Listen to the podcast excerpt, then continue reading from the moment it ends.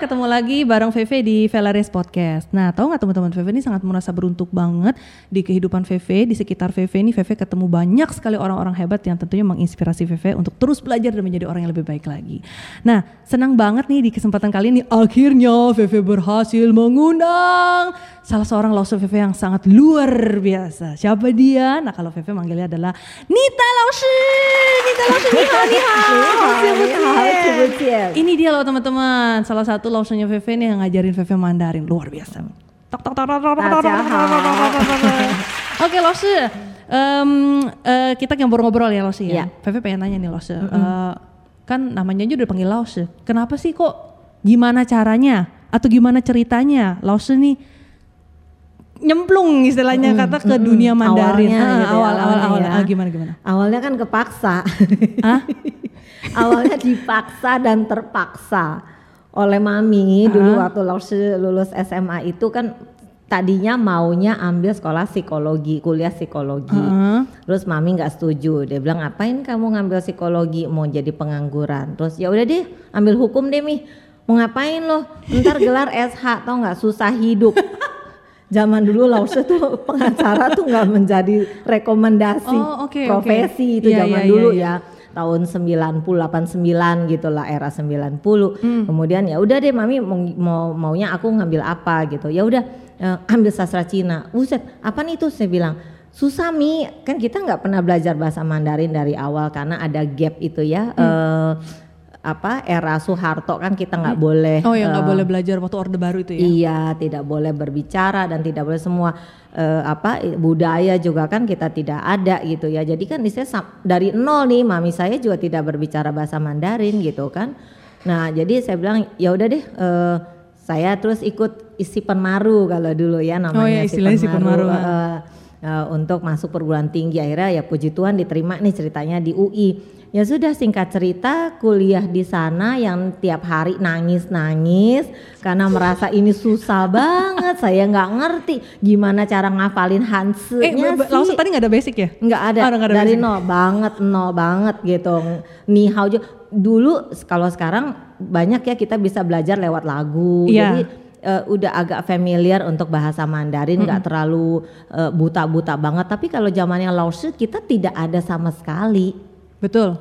Hanya ada ya bahasa Inggris gitu ya di TV, film kartun. Tapi untuk Mandarin eh, orang d- bilang ni hao, zai jian, nggak ada gitu. Kayaknya masih asing banget bener-bener Iya ya. bener-bener tuh bahasa planet yang saya baru ketemu tuh di kelas Waktu kuliah. gitu. Dan itu dengan lingkungan yang tidak berbahasa Mandarin kan sangat sulit untuk saya bisa praktek ya. Kalau mau ada pertanyaan mau tanya siapa, mama saya juga nggak ngerti kecuali eh, bahasa bahasa Inggris gitu kan karena mama saya kerja di kedutaan Amerika. Oh, Jadi oke. dia memang hari-hari English kita saya dengan mami Tapi lucu ya rumah. mamanya Lause kuliah di, eh, apa, kerja di kedutaan Amerika tapi nggak suruh ya udah kamu ambil sasar Inggris aja di enggak ya. Dia bilang bahasa bahasa Inggris pasaran, mau ngapain lagi lo menu-menuin pengangguran aja di Jakarta gitu. Wah langsung ngambilnya sastra Mandarin Nah, mantap. mami dari dulu itu mau sekolah Cina. Oh, oke. Dia memang passionnya mau belajar Mandarin. Hmm. Kebetulan kan mami itu eh, besar di Semarang. Dia punya tetangga orang Chinese juga. Tiap hari tuh mamanya ngajarin anak-anaknya di halaman rumah tuh papa, ai mama, mama, ai papa Oh. Oke, gitu. oke, oke. Jadi mama saya tuh dengerin di balik tembok, papa, ai mama, mama, ai papa gitu. Oke. Tiap hari tuh ngikutin ngikutin. Terus pas dia mau masuk sekolah Cina, pas eh, era 65 itu sekolah-sekolah Cina ditutup yang ada kejadian G30 SPKI itu. Ya udah semua terus dilarang kan. Nah, akhirnya nggak nggak nggak ada kesempatan untuk belajar. Nah dia pikir ah gue nggak ada kesempatan, anak gue Nah dah. biasa begitu tuh, biasa begitu tuh. Orang tua nggak kesampaian apa suruh anak nih. obsesinya Anak orang yang tua. menderita nangis-nangis iya, itu itu itu saya itu aduh sampai naik Saksi hidup. Heeh, sampai aduh benar-benar deh perjuangan untuk Ah. bisa lulus di UI itu dengan dengan sesuatu yang saya tidak suka masalahnya Tapi kan. mantap ya Lause ya walaupun Lause nggak suka tuh nggak nggak maksudnya kan banyak banget tuh mahasiswa mahasiswa ah udahlah gue kayaknya setahun pertama nggak cocok nih kayaknya udah gue quit aja gitu Iya. ya. Gila, Nah, Lause itu ya. perbedaan kali ya, Mantap ya. perbedaan. cara pandang kalau saya bilang sih ada pergeseran nih dengan generasi sekarang ini dibanding zaman Laoshi gitu ya. Zaman kita satu kan hiburan itu juga terbatas. Kemudian kita akses mau eh, seperti sekarang media online ya, Facebook apa segala macam. Dulu zaman saya tidak ada. Sehingga tidak bisa mengukur dengan teman, kemudian lihat ikut-ikutan temen gitu ya. Kita bener-bener seperti katak dalam tempurung Iya. yang harus face to face baru kita bisa tahu kabar VV Iya, gimana. iya, iya, Kalau sekarang Lauset tinggal buka Tinggal buka IG. aja, iya, bener, bener, Wah. VV lagi keluar. lagu, eh, like, like, like gitu kan. Iya, iya, Zaman dulu kan enggak gitu. Sehingga yang kita tahu adalah saya ambil ini dan saya harus selesaikan itu. Saya Hmm. tidak bisa tergoda dengan yang lain-lain karena memang zaman saya nggak ada godaan-godaan untuk eh lu pindah jurusan, ayo ini Iya, itu iya, gitu iya. ya. Meskipun ya memang adalah teman-teman Lausa itu pada saat eh, kuliah kemudian dia merasa tidak tidak bisa berprestasi terus di jurusan sastra Cina dia pindah ke Jepang sastra Jepang. Atau mengundurkan diri pindah ke jurusan lain itu ada yang seperti itu. Tapi tidak banyak sehingga tidak menjadi nggak seperti anak sekarang ah eh, coba dulu setahun ah kalau misalnya Coba. betah eh, eh, terus ya mami kalau enggak ah pindah pindahnya bu- pindahnya benar-benar pindah kampus Nah, pindah jurusan Nah kan semua lagi. lagi bayar lagi dari awal Gitu. gitu. Tapi Lause waktu zaman dulu Lause belajar Mandarin tuh peminatnya banyak gak sih? Dulu karena kita tetap sama ya, eh, maksudnya saringan masuk kan kalau kuota. Kalau di UI itu dulu zaman saya masih 20 orang per angkatan. 20 orang per 20 angkatan. orang. Waktu zaman Lause daftar tahun 90 itu yang eh, ikut untuk sastra Cina 1000 orang. Wow, banyak Jadi juga ya, dari lumayan ya. seribu eh, eh, lumayan tetap ya. Hah. Seribu orang yang diambil cuma 20.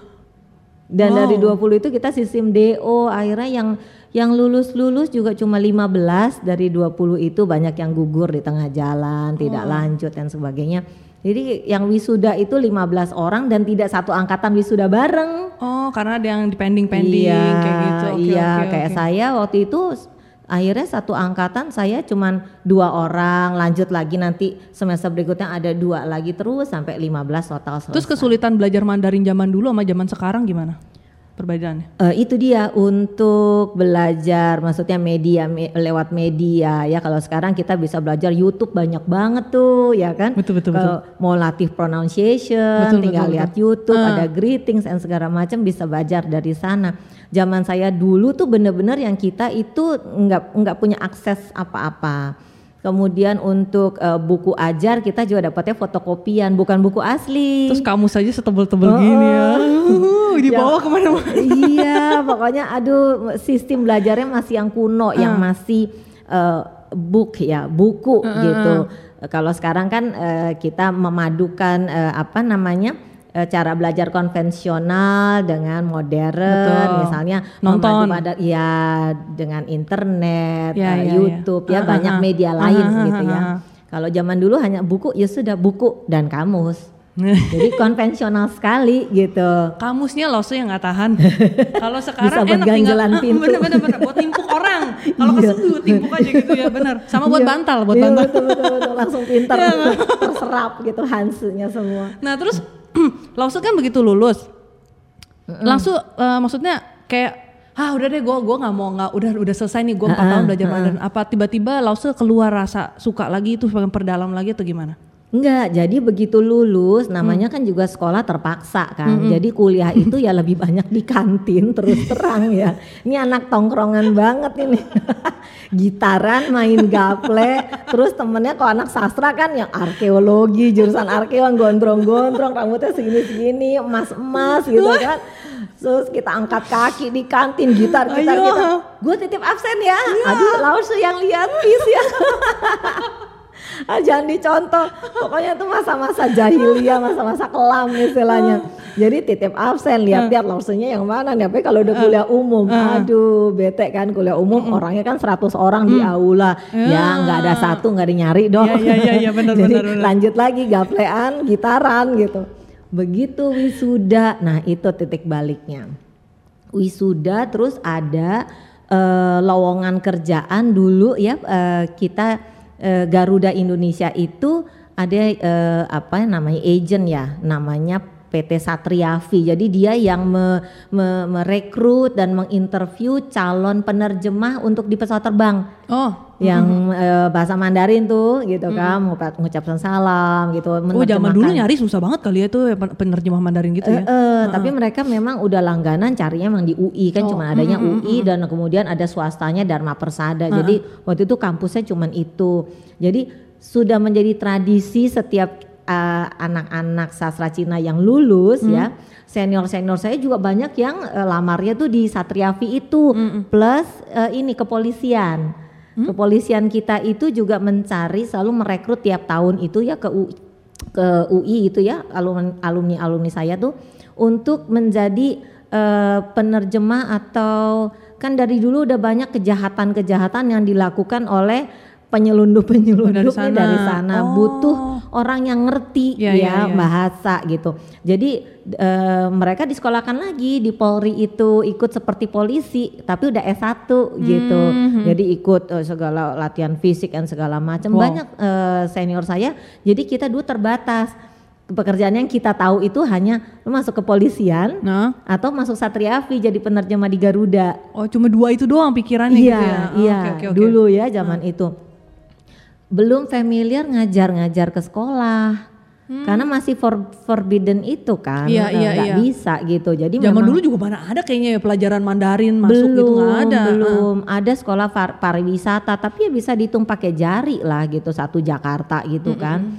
Jadi eh, waktu itu pas saya men- mengikuti tradisi kan ngikut dong nih eh, perekrutan Satriavi gitu. Begitu tes karena kuliahnya di kantin kan?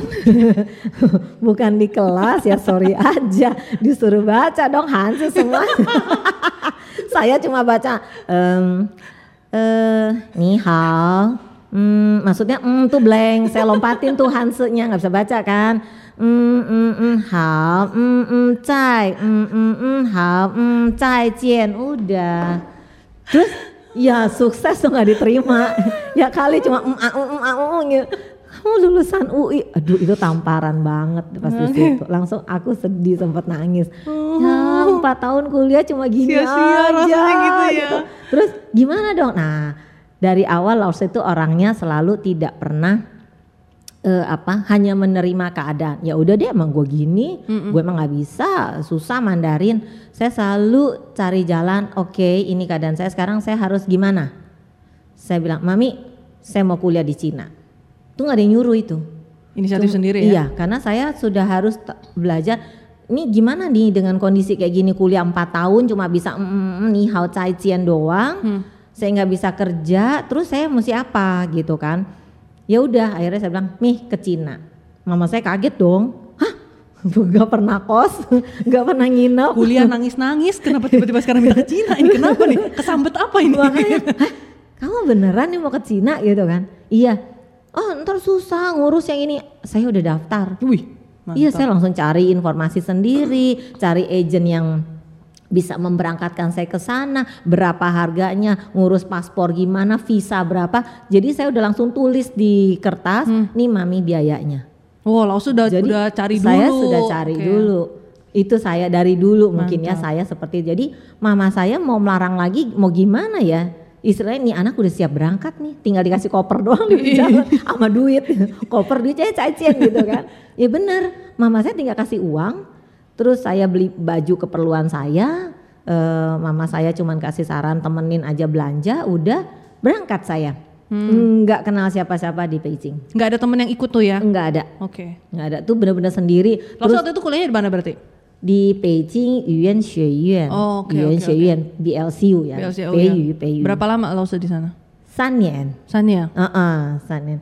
Terakhir itu lagi kuliah persiapan mau ambil S2 ceritanya. Jadi selama dua tahun di Beijing itu saya seperti mengulang dulu S1-nya saya. Jadi saya nggak ngambil program Xuan Xiu Ke gitu, eh, apa kayak pusipan kursus, tapi saya emang ambil yang pen ke lagi. Dasar lagi. Dasar lagi yang Oh. anak di sana S1-nya ceritanya. Tapi saya bisa tiopan di sana. Hmm. Jadi saya langsung masuk-masuk tuh udah yang semester 5, jadi tingkat tiganya. Jadi istilahnya dua tahun itu saya ngulang deh tingkat tiga, tingkat empat tuh saya ngulang. Kecuali skripsi saya tidak tulis lagi karena saya sudah ada, tinggal melampirkan. Tapi base untuk dari itu saya tuh mau ngajuin eh, ikut eh, apa Kau Yanqiu Sheng eh, S2 gitu S2-nya. ya.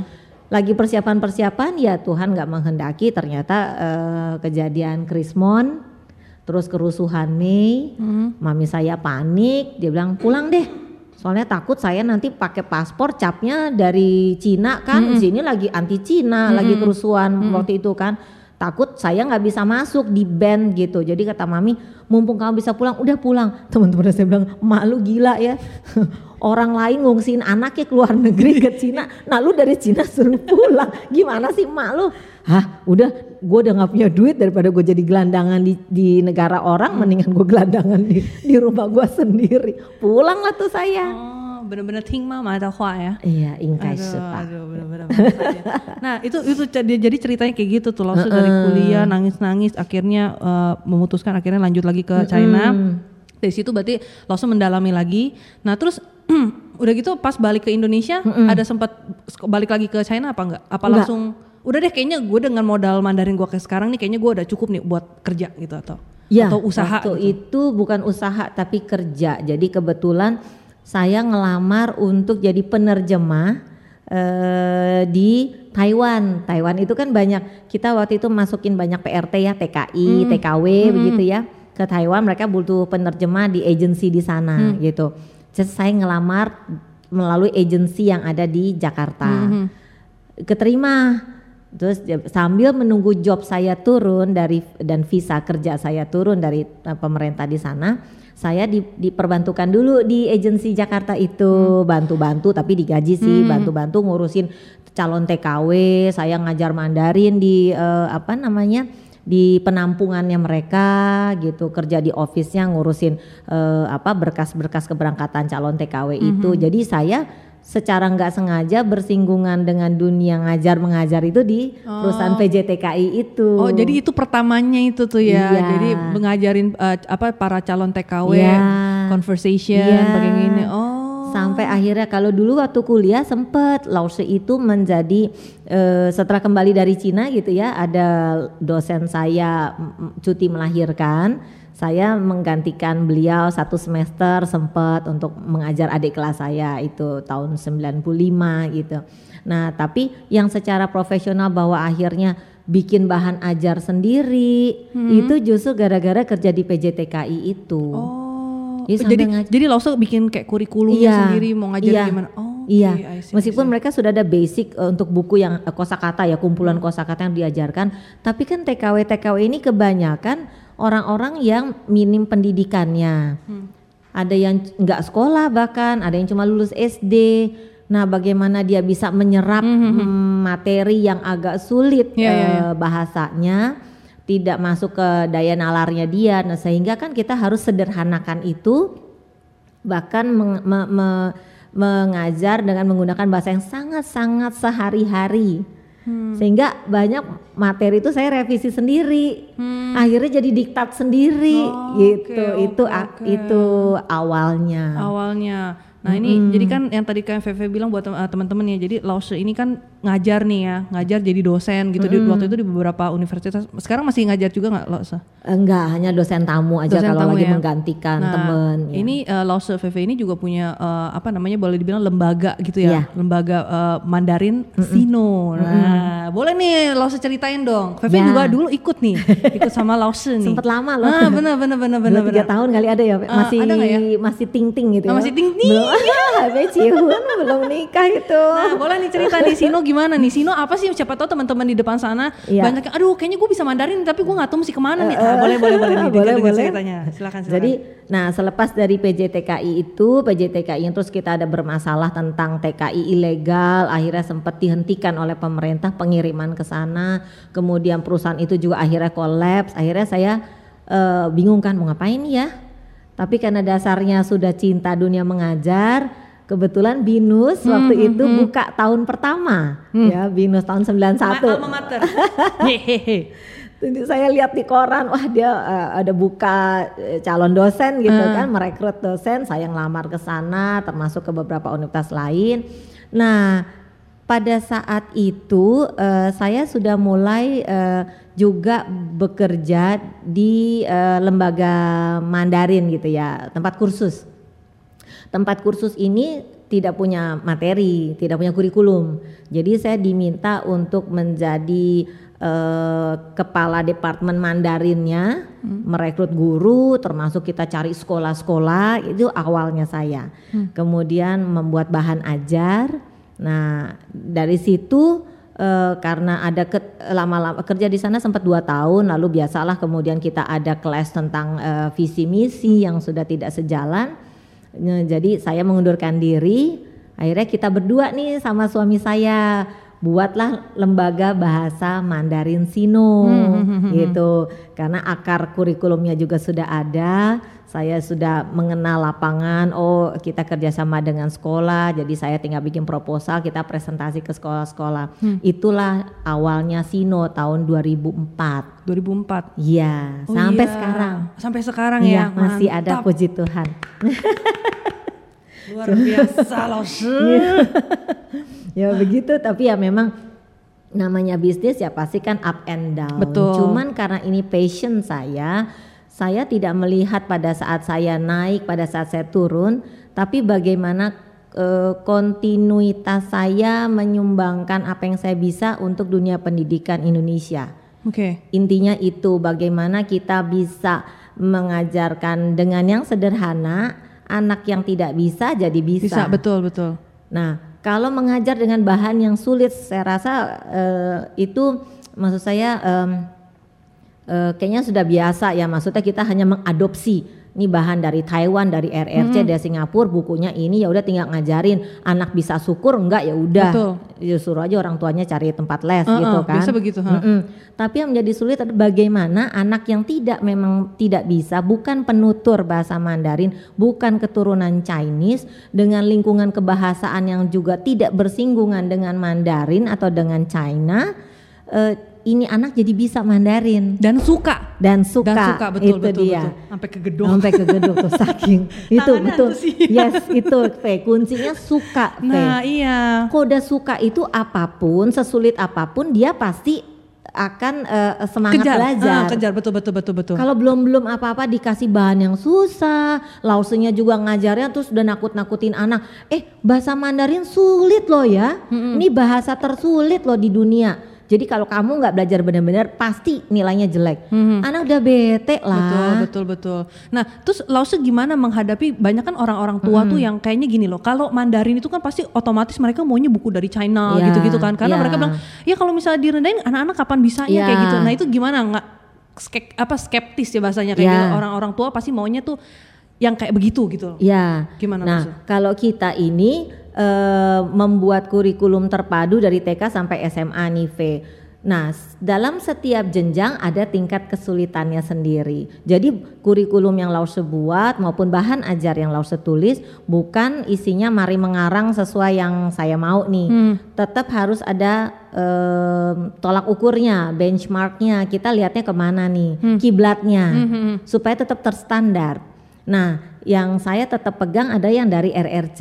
Jadi hal-hal seperti gramatika, lalu cuman kalau di sini eh, saya menyesuaikan bahan ajar itu dengan pemerintah kita nih Diknas nih. Hmm. Arahannya eh, misalnya kalau TK itu materinya apa aja ya temanya? Oh dalam satu tahun ada berapa materi sih? Ada berapa topik gitu hmm. ya? Berapa tema yang harus diajarkan? Nah, supaya anak muda saya buat dari bahasa Indonesianya ke bahasa Mandarin.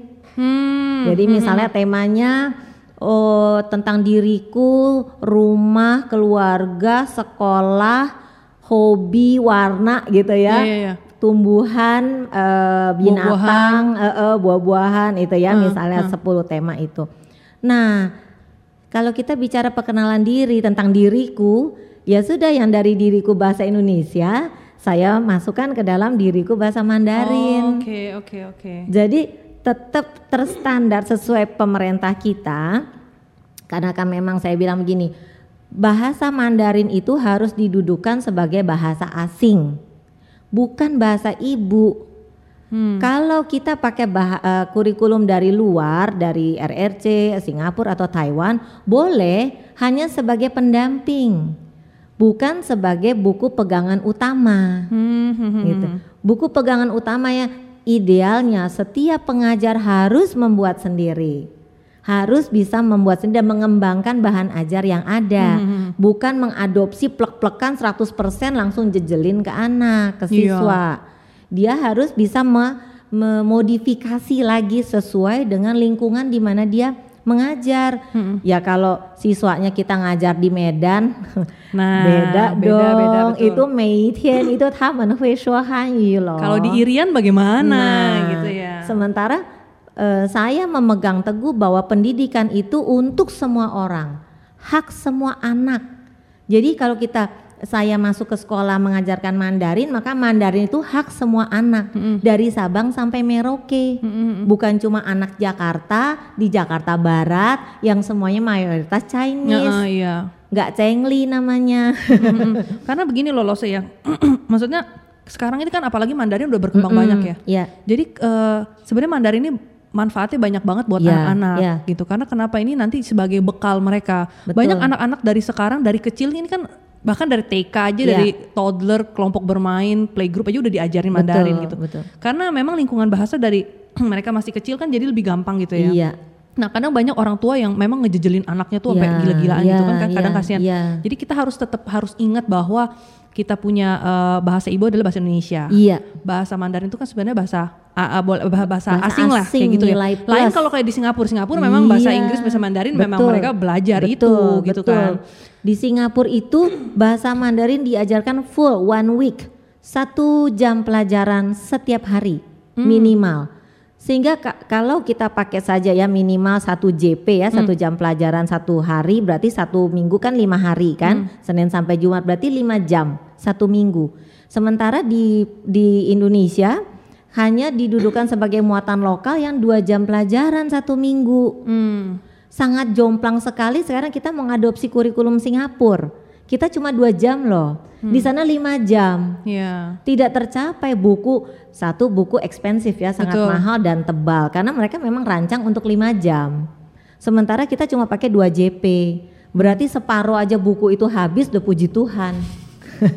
Tambah libur nasional, tanggal merah di tengah-tengah Ah, betul. tahun ajaran, nggak ada tatap muka, ya kan? Mau, mau, mau, mau kapan lagi habis itu buku?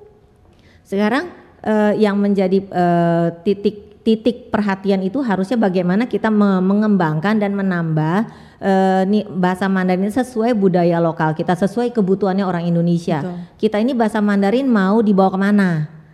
Orang menguasai bahasa asing, bahasa Inggris, bahasa Jerman, bahasa Jepang itu untuk apa tujuannya? Sama kan Mandarin juga. Nah, didudukanlah sebagai bahasa asing. Hmm. Tinggal kalau misalnya oh saya cita-cita anak saya harus sekolahnya di Cina. Ya udah, yuk berarti cari tuh sekolah international school Iya. yang bahasa Mandarin kayak Taipei School, ada misalnya kayak Bina Bangsa, ya Betul, kan? betul. Eh, atau apa Pahwa, silakan saja sekarang banyak pilihan Sin- eh, Singapore International School Iya, banyak, boleh banyak. gitu kan. Tergantung si eh, orang tua nih maunya mengarahkan anak ini setelah itu mau Ah, apa. betul. Sama seperti misalnya em, eh, ada teman saya nih masukin sekolah di eh, satu sekolah gitu sekolah Katolik ya sekolah biasa nih sekolah Katolik. Tapi sekolah ini rata-rata memang didesain secara tidak sengaja anak-anak yang lulus dari sekolah SMA ini rata-rata melanjutkannya memang di Australia, di Oh, Amerika, enggak ke Singapura loh ya. Semua hanya di Amerika dan Australia sehingga memang jarang yang kalau saya lagi ngetes Mandarin mereka ujian praktek, saya tanya nih, "Pie ihou yao qu nar shang daxue?" Mereka selalu bilangnya Australia lah, Mego lah. Saya bilang, Hmm. Iya. ini nggak ada yang diuntar gitu, Trisakti gitu, apa Jaya gitu. Yang lokal nggak ada Lokal, gitu ya? UPH gitu, nggak ada. Sehingga yang dikuatkan di sana adalah bahasa Inggris, Inggris. mereka. Itu sah saja. Jadi Betul, kembali, betul. sekarang orang tua ini ngeset anaknya nanti itu mau kuliah eh, terusnya tuh di mana. Ya kemudian anak itu disupportlah dari sekarang. Hmm. Saudara saya memang dari awal anaknya mau kol- sekolah kuliahnya itu di di Amerika. Jadi dari kecil dia memang sekolahnya di Jakarta International School, JIS. Nah, nyambung dong. Betul betul. Ya sekarang masuknya sekolah sekolah Kristen biasa, sekolah Kristen atau Nasional sekolah lah kayak gitu. nasional ya, sekolah nasional, sekolah Katolik, sekolah biasa. Tapi tiba-tiba anak saya Mandarinnya harus eh, kurikulumnya ini memaksakan sekolah atau laushi memaksakan kurikulumnya harus pakai yang eh, RRC atau Sing- eh, Singapura atau Taiwan. Terus Iya. pertanyaan saya itu habis itu anakmu kemana? Jangan lanfei 时间。 Iya iya iya. 然后给你的学生、给你的孩子压力很大， Betul. Betul betul. gitu. Itu buat saya tidak pas. Makanya kenapa kurikulum laushi saya hanya jual tanda kutip saya hanya presentasikan saya kerjasama dengan sekolah-sekolah nasional, bukan nasional plus ya, nasional saja. Yang istilahnya ini hanya untuk pengantar, menambah ya. You be a- you able to speak uh, English. English is a must ya. But to know Chinese, to able to speak Chinese is Better. a plus. Oh, A plus, oh, plus plus. bahkan. Oh. Nah, untuk dapat plusnya itu kan, jadi bahwa saya udah bisa Inggris, sekarang nilai tambah apa lagi nih? Satu bahasa asing lagi dong. Nah, sekarang karena dunia ekonomi semua kan dipegangnya oleh China. Hmm. Jadi ya is a plus dong. Iya iya iya. Eh, Kamu bisa bahasa Mandarin. Lagi pula kalau menurut pikiran Feve gini loh Lause, kalau misalnya eh, misalnya sekolah nasional nih, anak-anak eh, kan yang penting kan dikenalkan dulu Mandarin. Iya. Yang penting kan mereka eh, eh, suka dulu nih Iya, kan. Nanti kalau besarnya dia pengen lanjutin memang maunya ke sini ya sih itu kan Ya terserah bisa, anaknya gitu kan ya. betul. Jadi nggak nggak perlu maksa juga dari Betul, kecil gitu. Yang penting kan kita betul. kita bikin anak suka dulu bagaimana Iya, nih karena iya. karena terus terang kalau Feve ngeliat nih media eh, pembelajaran Mandarin kan memang walaupun yang kayak Lause bilang tadi kan lewat YouTube apa banyak gitu Iya. kan.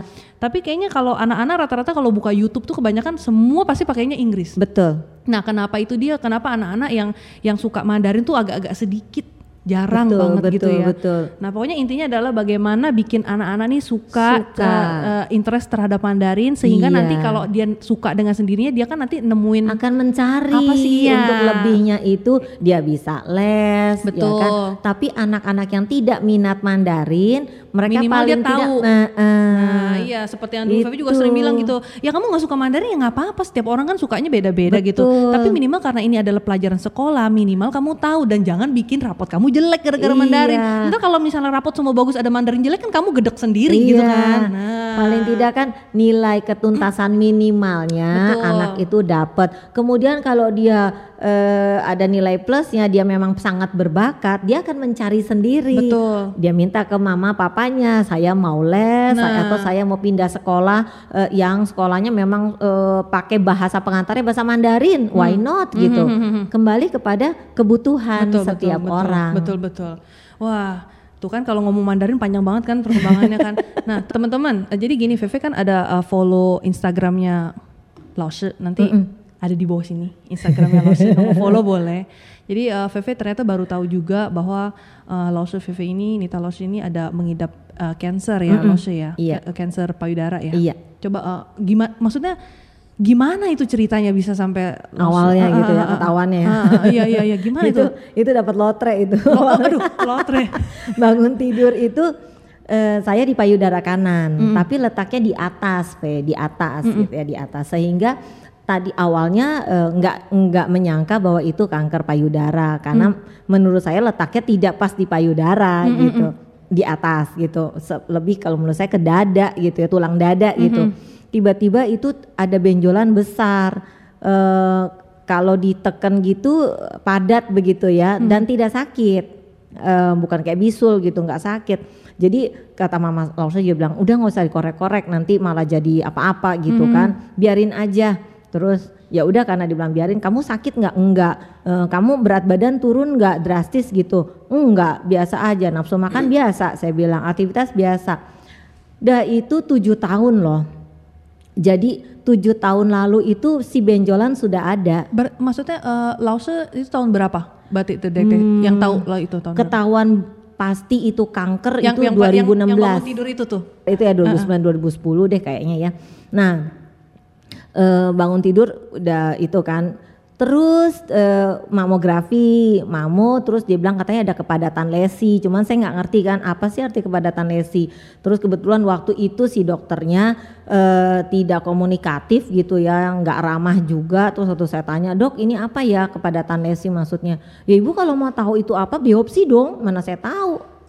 Wow, digituin gitu kan. Hmm. Terus waktu itu saya pikir, ah ya udahlah nggak penting juga dong berarti kan, ngapain kalau yang nggak penting nggak usah kita cari-cari deh gitu kan. So far nggak sakit ya udahlah gitu kan.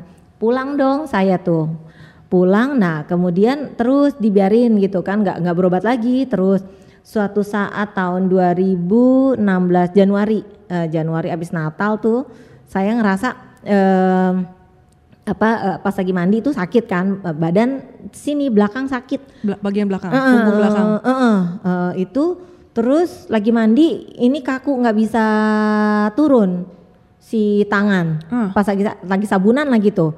Terus akhirnya saya pelan pelan nyeri gitu kayak ada yang ngunci di sini di tengah punggung ini loh. Oh. Terus akhirnya saya lagi keramas kan saya kucek dari yang tangan kiri deh gantian deh gitu. Kebetulan untuk pakai shower kan. Hmm. Jadi saya gini. Terus yang tangan kiri juga kayak robot tiba-tiba keras dia nggak bisa gerak. Aduh. Akhirnya cuman begini kayak tangannya unyil tuh yang boneka iya, unyil gini, cuma gini. Uh, uh, cuma gini doang. Akhirnya saya mandi itu cuma di pancurannya doang cuma gini nggak bisa bilas gini-gini aja. Nggak bisa kurus. Nggak bisa. Uh, uh, tangannya udah nggak gerak tuh. Udah terus saya masih masih belum handukan basah-basah tuh ya keluar kamar mandi. Itu kan kamar mandi itu kan di dalam kamar uh. gitu. Terus bangunin dia. Bangunin suami saya itu nggak bisa korek dia kan. Jadi saya cuma pakai badan saya digini saya gini giniin oh. saya senggol senggol gitu. Kebetulan suami saya kok udah tidur tuh susah banget. Jadi kan saya tahu oh, oh sampai gitu kan. Uh. nah kebangun dia kenapa? Kenapa? Dia langsung kaget. Dikira saya kena stroke. Okay. karena nggak bisa gerak gitu uh. kan saya bilang enggak, saya bukan kena stroke. Kalau stroke saya berasa dong gitu paling enggak ada ya. Ini cuman punggung saya sakit, sakit. dan saya kekunci. Saya bilang. Akhirnya setengah mati saya naik bawa mobil naik uh, apa mobil ke rumah sakit ke IGD di Bekasi Barat. Karena saya rumah di Pondok Gede kan. Udah sampai sana masuk uh, apa IGD periksa ronsen ronsen segala macam MRI dibilang oh bu ini saraf kejepit Hmm. Oh ya udah saraf kejepit ya kan.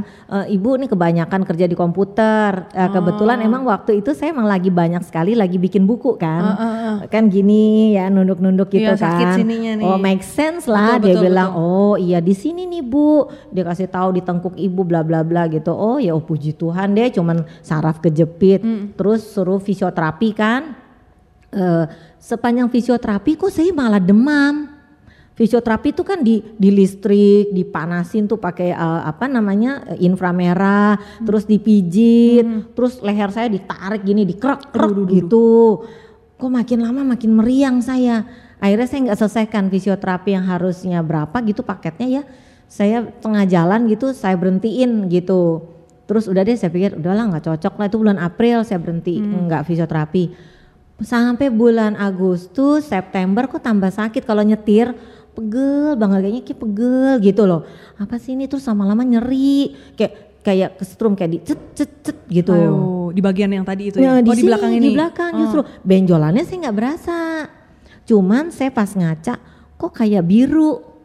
Jadi dia biru V. Di sini? Eh, di eh, benjolannya di depan, oh, oh, di depan oh, iya, iya. tuh biru. Kayak ketonjok itu kebentur gitu uh, uh, memar memar. uh, uh. kok memar ya? Saya bilang. Terus saya lihat enggak enggak biru enggak enggak ada kepentok gitu. Tapi kok dia kayak legok masuk.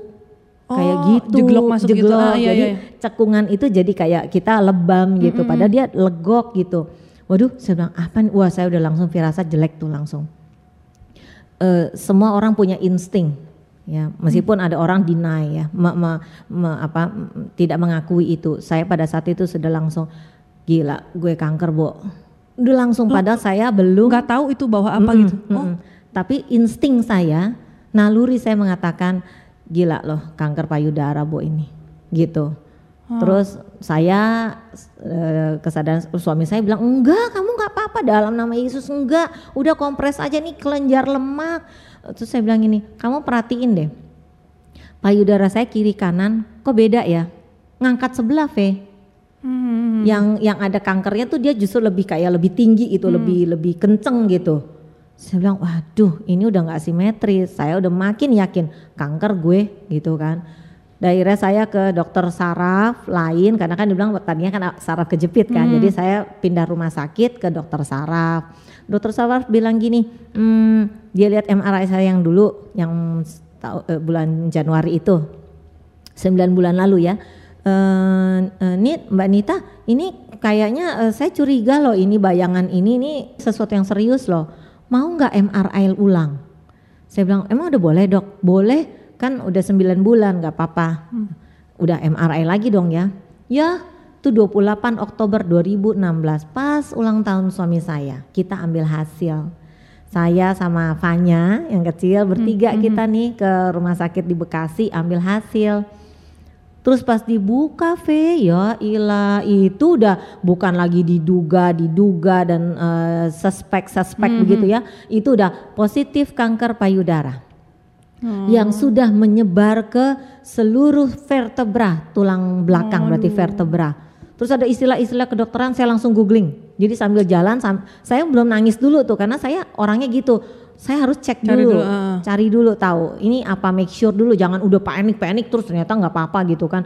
Saya mesti cari dulu, terus cari. Waduh, semua mengarahnya kok istilahnya kanker payudara, breast cancer, breast cancer mati deh saya nih akhirnya udah nangis lah itu saya kita semua gitu kan Ya, ya, maksudnya sesuatu yang kita nggak nggak nggak ah, harap gitu ya Eh, memang benar kalau orang begitu begitu dengar vonis bahwa eh, maaf bapak ibu anda terserang kanker ini ternyata kanker dan begini belum dibilang stadiumnya aja udah rasa tuh dunia runtuh pengen bunuh diri Iya, tuh iya, rasanya iya, iya. udah langsung gelap kayaknya saya udah nggak ada harapan hidup gitu. Tapi soalnya kata kanker itu gimana gitu ya? Heeh, karena kita orang awam ya dulu waktu saya orang saya masih awam belum kanker, saya taunya udah kalau udah kanker lu pasti mati deh. Cuma hitungan waktu aja dan itu nggak lama. And meninggalnya you will suffer so much. Kanker itu penyakit oh, dulu ya saya. Dulu. Kanker itu adalah penyakit menakutkan yang dia menggerogoti kamu sampai kamu udah nggak bisa apa-apa, kamu akan sakit mati pelan-pelan kasarnya. Dan saya langsung itu yang membuat saya stres. Saya nggak mau mati pelan-pelan Tuhan. Saya salah apa? Saya harus harus sampai disiksa, dikutilin sedikit-sedikit sampai saya akhirnya mati. Masa itu saya bilang gitu kan? Nah, itu secara manusia. Dan kemudian akhirnya eh, biopsi biopsi barulah jelas bahwa betul positif eh, kanker payudara stadiumnya udah empat. Stadium itu bukan soal keganasan kanker tapi letak sebarnya. Ada anak sebar atau tidak. Kalau belum ada anak sebar, kankernya belum nyebar itu berarti masih di dalam di di lingkup si kankernya si benjolan itu stadium awal ya sampai stadium 2 tapi sangat jarang ya orang terdeteksi stadium 1 tuh jarang banget Jarang. heeh. paling enggak stadium 2 itu terdeteksi gitu ya. Nah, kalau udah stadium 3 eh, itu udah mulai dia melebar tapi belum nyebar. Udah 4 itu sudah ada satu atau dua organ eh, lebih yang kena. Kena. Karena memang kanker itu makan dari darah. Jadi dia cari organ kita yang menghasilkan darah apa nih?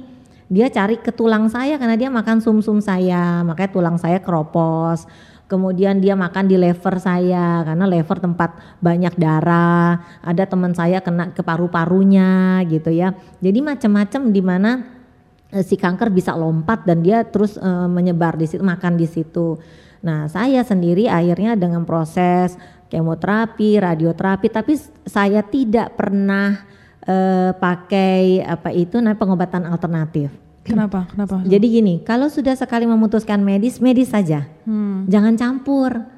Nanti jadi bentrok obatnya. Hmm. Misalnya saat pakai obat sinse tapi kemo juga Iya. berantem obatnya. Akhirnya jadi netral. Maksudnya si obat kemo itu dinetralkan oleh obat sinse. Jadi sama aja si pasien nggak berobat dong. Iya, iya, iya. Sama aja jadi nol gitu. Jadi si kankernya tetap jalan. Biasa Jadi- orang kan kayak gitu ya suka combine. ya. Karena pengen cepet lalu denger oh pakai ini ini lebih bagus ya ini sembuh ini begini Eh, kalau saya enggak. Jadi kalau selalu udah medis medis saja kalau mau eh, herbal herbal aja. Kalau mau sinse sinse aja terus. Jangan ke medis jangan dicampur gitu.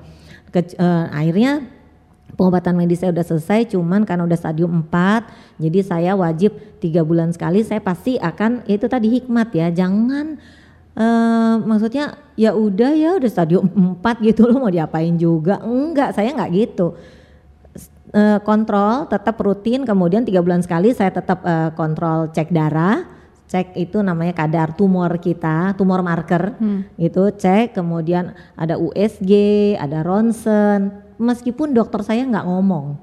Tapi saya eh, itu sendiri ke Prodia saya udah tahu terus kemudian saya mau periksa ini ini ini nanti hasilnya apa saya baru tinggal WA ke dokter saya dok ini bagaimana atau saya sambil kontrol ke dia dok saya sudah periksa ini jadi tiga bulan sekali jadi jadi pasien juga harus cerdas jangan Hmm. apa apa dokter nunggu dokter suruh dokter nggak suruh sih ya, terus dokter lu pasiennya seribu Iya. ingat lu satu ya udah syukur benar benar benar. pasien kanker banyak gitu kan Harus proaktif gitu gitu ya. proaktif Ah, dong betul, betul, gitu. betul. Ya, ntar kalau udah kenapa-napa salahin dokternya gitu. Ini dokter juga manusia kan. Hmm. Jadi kita ada kerjasama tadi. Tuhan, iya kita berdoa, kita minta hikmat, minta kesembuhan, and take action. Jaga makan, pola hidup perbaiki, olahraga, rajin kontrol, rajin minum obat, terus eh, eh, berhikmat lagi kapan kamu harus cek darah, Hmm. cek karena kanker kan di dalam, kita nggak tahu dia geraknya udah di mana. Emang kita bisa tembus pandang, Iya, saya bisa iya, lihat, iya, iya. oh kamu ada di situ kan nggak Oh, bisa oke oke. mestinya dari lab ya udah rutin aja jadi hari-hari saya ya eh, bekerja ke dokter Tapi lo, lo ada maksudnya sehari-hari itu ada kayak ada yang sedikit menghambat apa nggak gitu misalnya sakit di mana gitu atau gimana Oh, gitu. karena dia di tulang memang eh, lebih banyak saya nyeri di tulang terutama di bahu ya punggung itu rasanya pegel kadang eh, sakit sampai tapi tidak mengganggu aktivitas kalau dulu saya sampai nggak bisa jalan saya cuma bisa tidur Hmm. Karena ini kan kalau kita duduk duduk pun saya nggak bisa duduk itu ini perih sampai satu tengah badan saya ini kram. Aduh. Karena kankernya itu kan ada di situ kan gitu. Jadi ini ada gravitasi bumi jadi neken Iya, kita. neken, neken. eh, eh. Jadi saya cuma bisa tekan dia lagi dengan posisi berbaring, telentang bukan telungkup. Telungkup saya nggak bisa. Jadi harus berbaring. Heeh. Jadi suami saya tuh yang dorong-dorong. Kalau saya kontrol dia harus cari berangkar dari IGD. Saya nggak bisa cuma pakai kursi roda gitu, duduk kan. Hmm. Iya, saya iya. harus tidur gitu. Dan sekarang saya bisa jalan, saya bisa ngajar, saya bisa mau duduk mau berapa jam bisa. Itu semuanya eh ya kemurahan Tuhan. Eh, saya bisa begini gitu. Itu mukjizat gitu. Tapi ya Tuhan saya lihat eh bukan Tuhan pilih-pilih siapa mau kasih mukjizat ya. Kembali kita punya peran masing-masing gitu loh Hmm. saya sudah ada skenario nya ya mungkin Tuhan memang bukan mungkin Tuhan masih punya tugas buat saya teman-teman saya banyak yang sudah nggak ada V yang stadium 4 yang tadinya bareng-bareng satu kamar sama saya kemo dan itu sangat sedih berasa banget ya pada saat orang yang satu nasib sama kita kita kenal sempat kenal dia berjuangnya bagaimana dan dia terus nggak ada itu Uduh saya itu nangisnya seolah-olah itu saya kenal banget padahal cuma segera cuma teman di rumah sakit yang ketemu sekali-sekali buat Bikin kontrol. kayak bikin down juga gitu ya Iya. Berarti lo sudah tiga tahun ya? Mm-mm. Ini jaga makannya gimana lo? Nah yang jelas kalau sudah kena kanker hindari makanan 4P pewarna, pengawet, pengental, eh, kemudian satu lagi pemanis buatan itu. Ah iya. Jadi eh, intinya kanker itu hidup dari gula. Hmm. Jadi saya pantang makanan yang banyak mengandung gula kecuali gula yang dari eh, eh, buah eh, manis itu ya manisnya Mal- alami buah, ah. alami heeh. tapi tidak boleh juga yang makanan gul- eh, buah yang terlalu manis misalnya kayak kelengkeng yang gulanya terlalu tinggi Oh mangga. anggur, mangga. Mangga boleh tapi kalau orang sehat satu biji, saya hanya boleh setengah. Kayak roti, Kue-kue. kue, bakery saya tidak bisa. Udah udah nggak nggak sama sekali udah nggak sentuh lagi ya. Enggak, saya enggak, enggak itu. Mantap. Kemudian eh, makanan manis ya otomatis. Nah, gula itu yang paling jahat gula putih kayak misalnya yang ada di kue tart kan dia pakai gula halus Iya, tuh. iya, iya, Nah, iya, iya. Itu itu yang paling jahat dibanding gula pasir. Mhm. Kalau mau brown sugar sekalian itu bagus. Brown sugar. Tapi kalau saya lebih baik tidak pakai gula. Betul kalau bisa tawar tawar ya. Iya. Terus kalau daging gitu gimana? Su? Nah, kalau daging yang penting kalau saya saya jarangin ya. Kalau dulu masih kemo saya makan daging karena dia untuk meningkatkan eh, sel darah putih saya karena kalau kemo itu dia hantem eh, darah. Jadi trombosit turun, HB turun, leukosit yang darah putih turun. Kita bisa transfusi dan suntik obat gitu dan obat itu mahal gitu kan. Jadi saya mengakalinya supaya stamina tinggi saya minum kaldu daging. Hmm. Saya setiap hari tuh bikin kaldu apa di sop, dibuat kacang merah atau atau hanya bikin kuah daging. Saya banyak membaca kemarin itu bahwa semua jenis makanan bahan makanan kita itu sebenarnya tidak masalah. Yang masalah ada pengolahannya. Cara mengolah bahan makanan itu salah, maka yang sehat jadi racun. Oke. Contohnya eh, sesuatu yang terus digoreng dan kita makan terus yang digoreng deep fried, jadi digoreng dengan minyak yang yang penuh ya, yang Uh-uh. banyak, minyak yang banyak eh, dengan waktu yang lama supaya dia matang. Contohnya f- em, apa itu ayam tepung gitu ya, Uh-uh. ayam tepung itu kan dia kita harus gorengnya di minyak yang banyak loh, yang yang yang penuh gitu. Kalau cuma minyaknya sedikit kan nggak matangnya nggak rata gitu. Kemudian harus apinya juga gede supaya dia bisa matang sampai ke dalam-dalamnya gitu kan. Dan kalau dikecilin otomatis jadi lama dan menyerap minyak banyak. Nah, kalau ini terus yang dikonsumsi 20 tahun lagi kemudian tidak menutup kemungkinan jadi penyakit degeneratif gitu ya. Salah satunya ya kanker gitu, penyakit-penyakit yang atau jantung, kena stroke, darah tinggi, kolesterol itu Hmm. bukan ayamnya yang salah.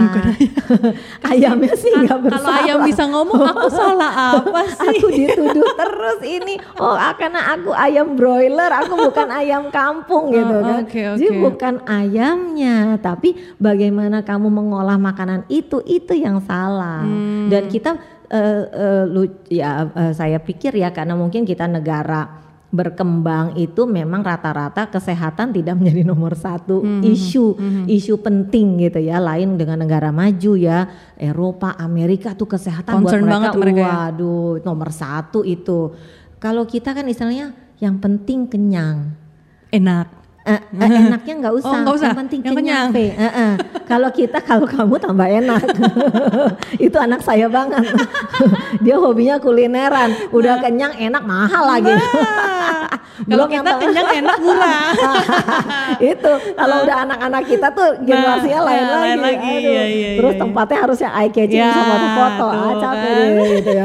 Nah, tapi kalau untuk kalangan masyarakat pada umumnya yang rezekinya tidak berlebih, maka eh, prinsip dasar makan kenyang itu yang terjadi gitu. Dan tidak ada yang menyentuh itu. Sehingga terus tahunan itu dilakukan. Ya makan yang serba instan ya. Makanan yang diawetkan makanan yang kalengan yang diasinkan eh, yang di lewat pembusukan misalnya kayak terasi gitu ya.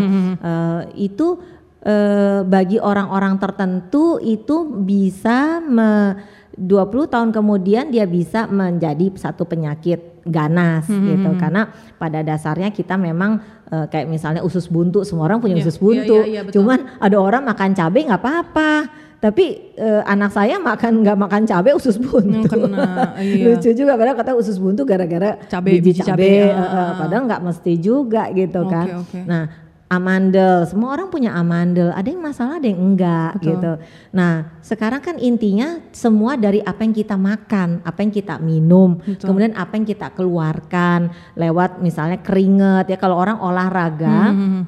olahraga teratur ya, maka aliran darah dia ke jantung itu akan lancar. Otomatis eh, eh, kalau lancar sumbatan-sumbatan itu nggak ada gitu kan. Kita udah udah makan enak, nggak olahraga, Iya, tidur tiduran numpuk doang deh. numpuk, banyak duduk kalau kerja gitu Betul, kan, nggak imbang. Akhirnya kan numpuk kan jadi lemak. Hmm. Nah kalau udah lemak banyak, sekarang darah mau jalannya gimana? Betul, betul. Ya itu penyakit-penyakit lain itu Iya. mulai timbul deh. Tapi Hmm, maksudnya, maksudnya abis kemo gitu nafsu makan gak sih? Maksudnya apa dipaksa makan gitu? Harus makan. Kalau saya iya. Saya orangnya terus yaitu tadi ya kembali em, kalau udah sakit jangan nyerah gitu. Saya masih punya anak-anak. Waktu itu anak saya baru kelas 8 dan kelas 1 SMA. Ya, Sekarang anak saya udah lulus SMA yang gede, yang kecil naik kelas 11. Bayangkan. Oh, oke. Jadi itu juga memotivasi saya untuk saya mau hidup Tuhan. Anak saya masih kecil, anak saya perempuan dua-duanya dia mereka masih butuh ibunya gitu. Hmm. Jadi itu yang memotivasi saya. Wah jangan ditanya proses kemonya bagaimana, obatnya pahit, obatnya nggak enak, saya nggak enak makan, makannya enak abis makan begitu selesai suapan terakhir itu pasti saya mau muntah tapi saya nggak pernah muntahin saya selalu tahan. Tahan. dan selalu saya ingat anak saya anak saya itu yang membuat saya semangat Hmm, nggak boleh drop kan ba- eh, apa badan kita kan iya gitu. jadi eh, maksudnya gini kalau orang ada masalah gitu ya eh, terutama soal sakit yang udah parah harus dicari titik di mana eh, kamu tuh eh, wor- apa yang menjadi worth it men- eh, untuk kamu berjuang kamu hidup Hmm. harus cari Iya iya iya. gitu Eh, bisa anak bisa ya kalau ibu-ibu pasti anak ya Betul. Kalau laki-laki yang sakit suami misalnya apa istri dan anak keluarga deh Keluarga, gitu. Paling betul. dekat tuh keluarga. Kalau ada teman saya kasihan memang keluarganya justru ninggalin dia ya kasihan juga. Dia nggak punya anak suaminya malah kabur selingkuh Hmm. sama eh, perempuan lain gitu. Tapi saya pikir gini eh, kita harus tetap memotivasi diri gitu. Jangan udah terpuruk tambah terpuruk lagi dengan keadaan yang di luar dari diri kita itu. Misalnya pengaruh lingkungan Eh, harus dicari deh apa yang bisa membuat saya bisa bisa keep strong gitu. Hmm. karena kalau kita sekalinya down down semua pengobatan itu percuma. Semua orang punya gen kanker punya ya eh, Iya. ada itu ya. Pernah dengar itu, eh, eh, tinggal pencetusnya sama seperti kasus usus buntu dan eh, amandel tadi V. Semua punya kita. Cuman ada yang jadi masalah ada yang tidak Betul. gitu kan nah kalau khusus eh, payudara memang dia juga diturunkan gen Cuma sampai sekarang saya dan ibu saya juga belum mendapatkan ini dari mana karena yang saya tahu kami tahu tidak ada dari keluarga besar kami itu ada kan- kanker payudara Turunan, turunan, ah. turunan nggak ada.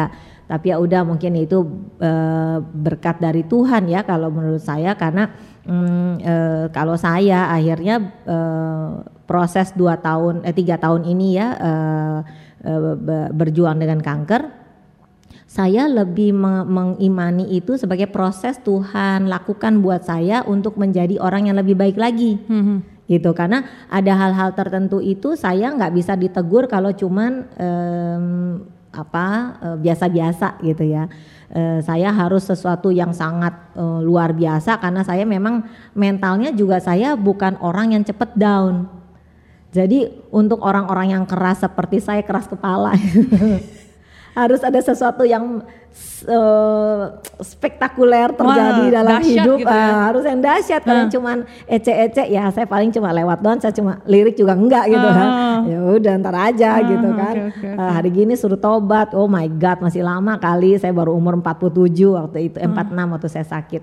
Sekarang 48 jadi itu nah eh, tapi saya belajar bahwa setiap hal yang tidak baik dalam hidup kita itu itu juga seizin Tuhan. Jadi bukan hanya yang baik. Hmm. Saya belajar banyak bahwa kita hidup di sini tuh menjalankan peran masing-masing. VV sebagai VV, saya sebagai Nita Lausche, dan semua orang kita di di rumah yang kita kenal itu ternyata begitu ditaruh di dunia itu sudah diplotkan oleh Tuhan kamu perannya ini, kamu ini, nanti kamu ke depan jadi ini. Hmm. Sehingga kita sekarang ini sedang menjalankan peran-peran kita di mata Tuhan. Iya iya iya. Itu yang kita tidak tahu, saya tidak tahu. Jadi eh, sekarang saya sudah tahu sehingga saya tidak pernah menyesali bahwa kenapa harus saya yang kanker dari 200 juta penduduk Indonesia. Tapi saya bersyukur saya kanker, dengan kanker saya bisa berbuat lebih banyak untuk kebaikan orang banyak, mm, bisa mm, lebih apa namanya eh, berbagi berkat, eh, memotivasi orang. Saya ini sekarang sedang membuat website. eh, judulnya itu I Care Indonesia. Hmm, Ke depannya saya memang rencana mau bikin foundation tentang itu. Itu apa itu? Nah, jadi website ini intinya adalah tentang nanti ada sharing dari para warrior dan survivor cancer apa macam-macam cancer. ah. Mhm. Terutama saya todongin dulu teman-teman saya untuk dia menulis pengalamannya dia. Eh, sebagai media edukasi dan information center Hmm. About cancer. Oke. Karena kalau sekarang kalau kita mau cari tahu tentang kanker, semua ada di di di internet ya Ah, banyak tinggal ah. buka di Google. Mm-mm. tapi sedikit yang pakai bahasa Indonesia. Oh, oke. Semua bahasa Inggris. Kembali saya saya rindu bahwa pengetahuan ini bagaimana mengedukasi eh, orang ya merubah stigma, merubah gaya hidup itu sebuah proses. Proses jangka panjang yang kita harus mulai sedini mungkin dari Sabang sampai Merauke. Alhasil bagaimana kalau orang yang sakit kanker itu di pedalaman? Iya. boro-boro bahasa Inggris. Mm-mm, bahasa Indonesia aja karena Bahasa mereka Indonesia nggak aja bing- masih bingung. susah Iya, uh-uh. gitu. Terus dia mau tahu penyakit dia apa, dia mau cari di mana gitu. Saya berusaha dengan apa yang yang kita punya, talenta apa pun yang yang kita punya, saya punya, saya mau membagi itu intinya memudahkan orang mengakses. Saya bisa survive sampai hari ini tiga tahun dengan kanker stadium 4 saya. Itu karena saya banyak baca. Kuncinya banyak baca. banyak baca. Dan karena saya suka baca dan kebetulan saya tidak punya language gap. Hmm. ya terutama bahasa Inggris. Jadi obat saya dokter kasih resep dok ini apa? Oh namanya ini. Eh, terus dia tentang apa ya oh, dokternya jelasin pakai bahasa kedokteran. Aduh saya pusing saya nggak ngerti. Saya di jalan di mobil saya buka Google. Saya trace sendiri nama obat ini tentang apa sih? Terus eh, nanti efek sampingnya dia apa? Sehingga saya bisa prepare pada saat obat itu masuk ke tubuh saya saya sudah tahu. Oh ntar gejalanya timbul ini saya ini saya harus berarti saya harus makan ini saya harus begini dan begitu. Itu yang membuat kenapa banyak orang ya selain kalau saya bilang itu mukjizat yang Tuhan kasih ya kemurahan tapi kalau orang eh, lain bilang bahwa wah eh, luar biasa ini eh, apa stadium 4 tapi kayaknya nggak sakit Iya iya benar loh sebenarnya.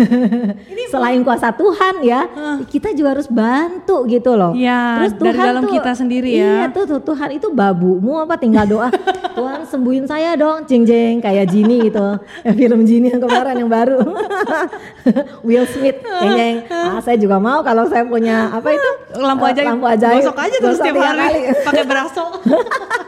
Saya juga mau gitu kan. Terus Tuhan gini, emang gua Jini, Oh, iya, Jini iya. dalam botol enak aja loh gitu. Ya usaha dong Iya. gitu. Dan usaha itu berarti eh, kerjasama ya. Kita jaga kesehatan. Udah tahu makanan itu jel- apa ti- tidak baik ya, jangan dimakan. Udah tahu lo kanker kasarnya.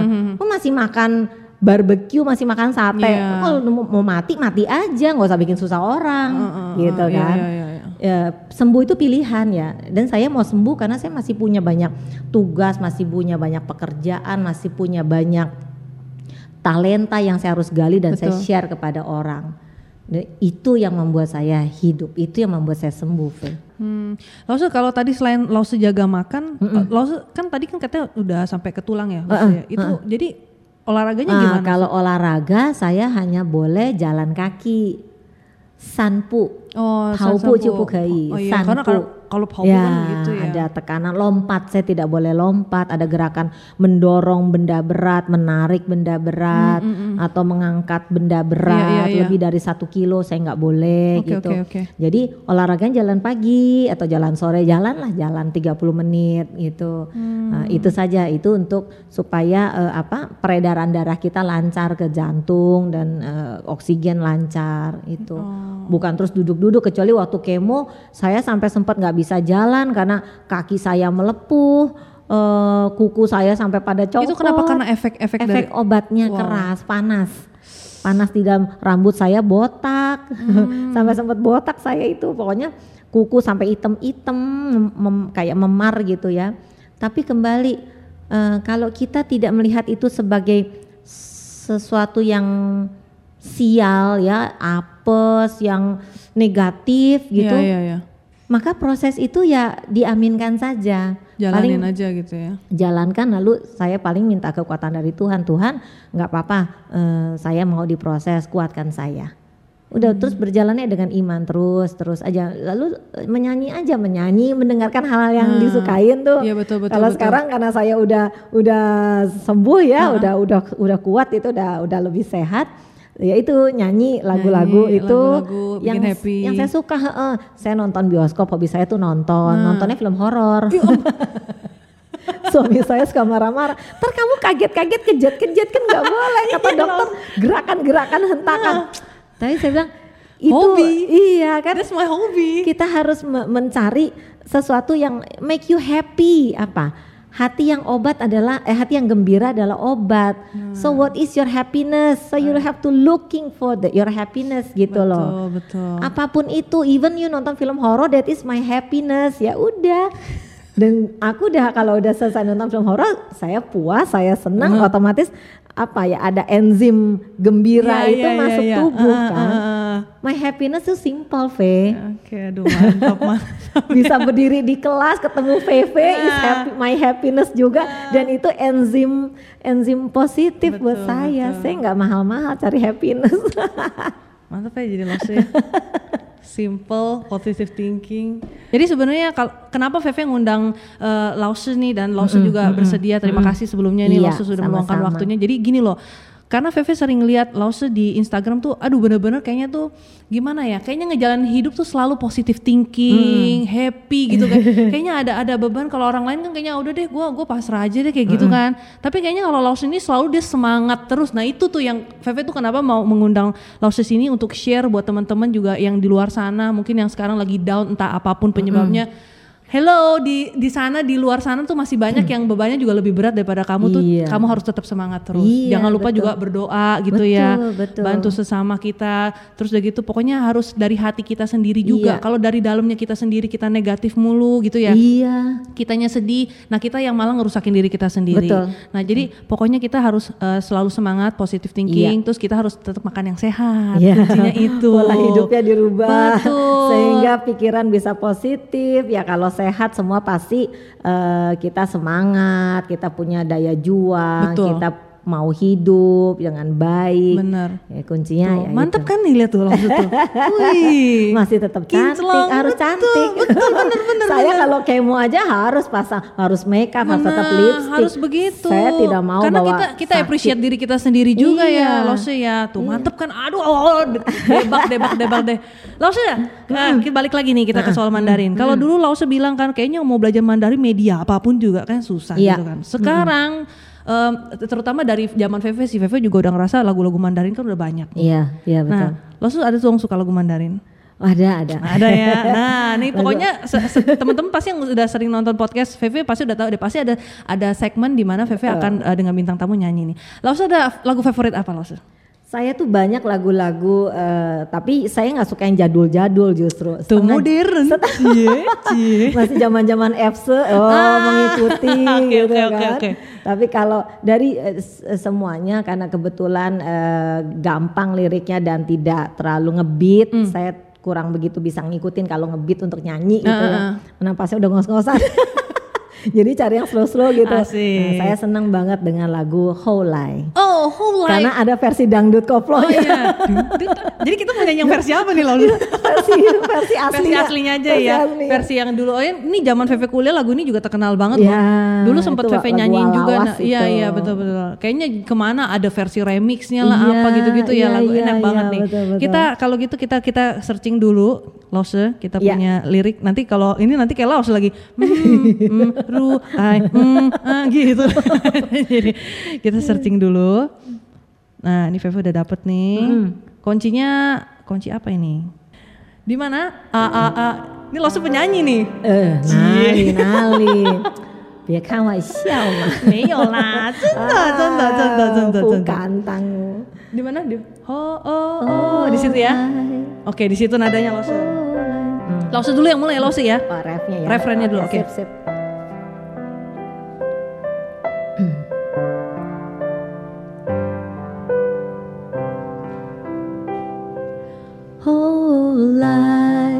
我总算学会了如何去爱，可惜你早远去，消失在人海。后来，终于在眼泪中明白，有些人一旦错过就不再。Oke, VV ya, Lose ya. Ya. Ini apa bacanya? Wah, jadi Omila Laos nanti nggak bisa baca Hans ini. 落在我蓝似白纸绢衫，爱你你轻声说，我低下头闻见一阵芬芳。Laos 你那个永恒的夜晚，十几岁仲夏，你问问我那个夜晚，让我往后的时光，每当有感叹，总想起当天的星光。你都如何回忆我？带着小火车很沉默。这些年来，有没有人能让你不寂寞？后来，我总算学会了如何去爱，可惜你早已远去，消失在人海。后来，终于在眼泪中明白，有些人一旦错过就不再。Mantap 老师 Mantap ya. Aduh kalau dulu zaman kuliah Feve begini Dengerin uh, Lause Jangke Oh ya cerita gini. Ah hari ini ada kesempatan duit. Uh, Lause boleh nih jadi penyanyi nih Selain jadi dosen Jadi manajer aja deh. Manajernya Feve asisten. Oh asisten juga ya jadi gitu Aduh Ada lowongan boleh. Aduh mantap mantap banget ya Lause ya, ya Pokoknya terima kasih sekali lagi Lause sudah meluangkan waktunya ke sini Sudah memberikan inspirasi, pengetahuan. Tapi nanti kalau ke depannya kalau ada VV undang lagi, lo jangan bosan ya lo ya. Kita share share hal-hal yang lain ya. Nah jadi pokoknya sebelum kita tutup, lo ada ini nggak? Maksudnya ada tips-tips atau kesan uh, pesan-pesan apa nggak buat anything mm -mm. Lose? Vivian, silakan. Uh, satu hal sebelum kami tutup adalah bahwa uh, kita hidup itu uh, jangan untuk diri sendiri, hidup untuk orang lain, hidup bagaimana bisa menyenangkan, bisa menjadi berkat, uh, sehingga fokus kita tidak menjadi orang yang egois. Kita berusaha untuk hidup lebih baik lagi, lebih baik. Apa yang bisa kita sumbangkan untuk masyarakat di sekitar kita? Jangan berharap orang lain yang melakukan sesuatu pada kita, merubah hidup kita.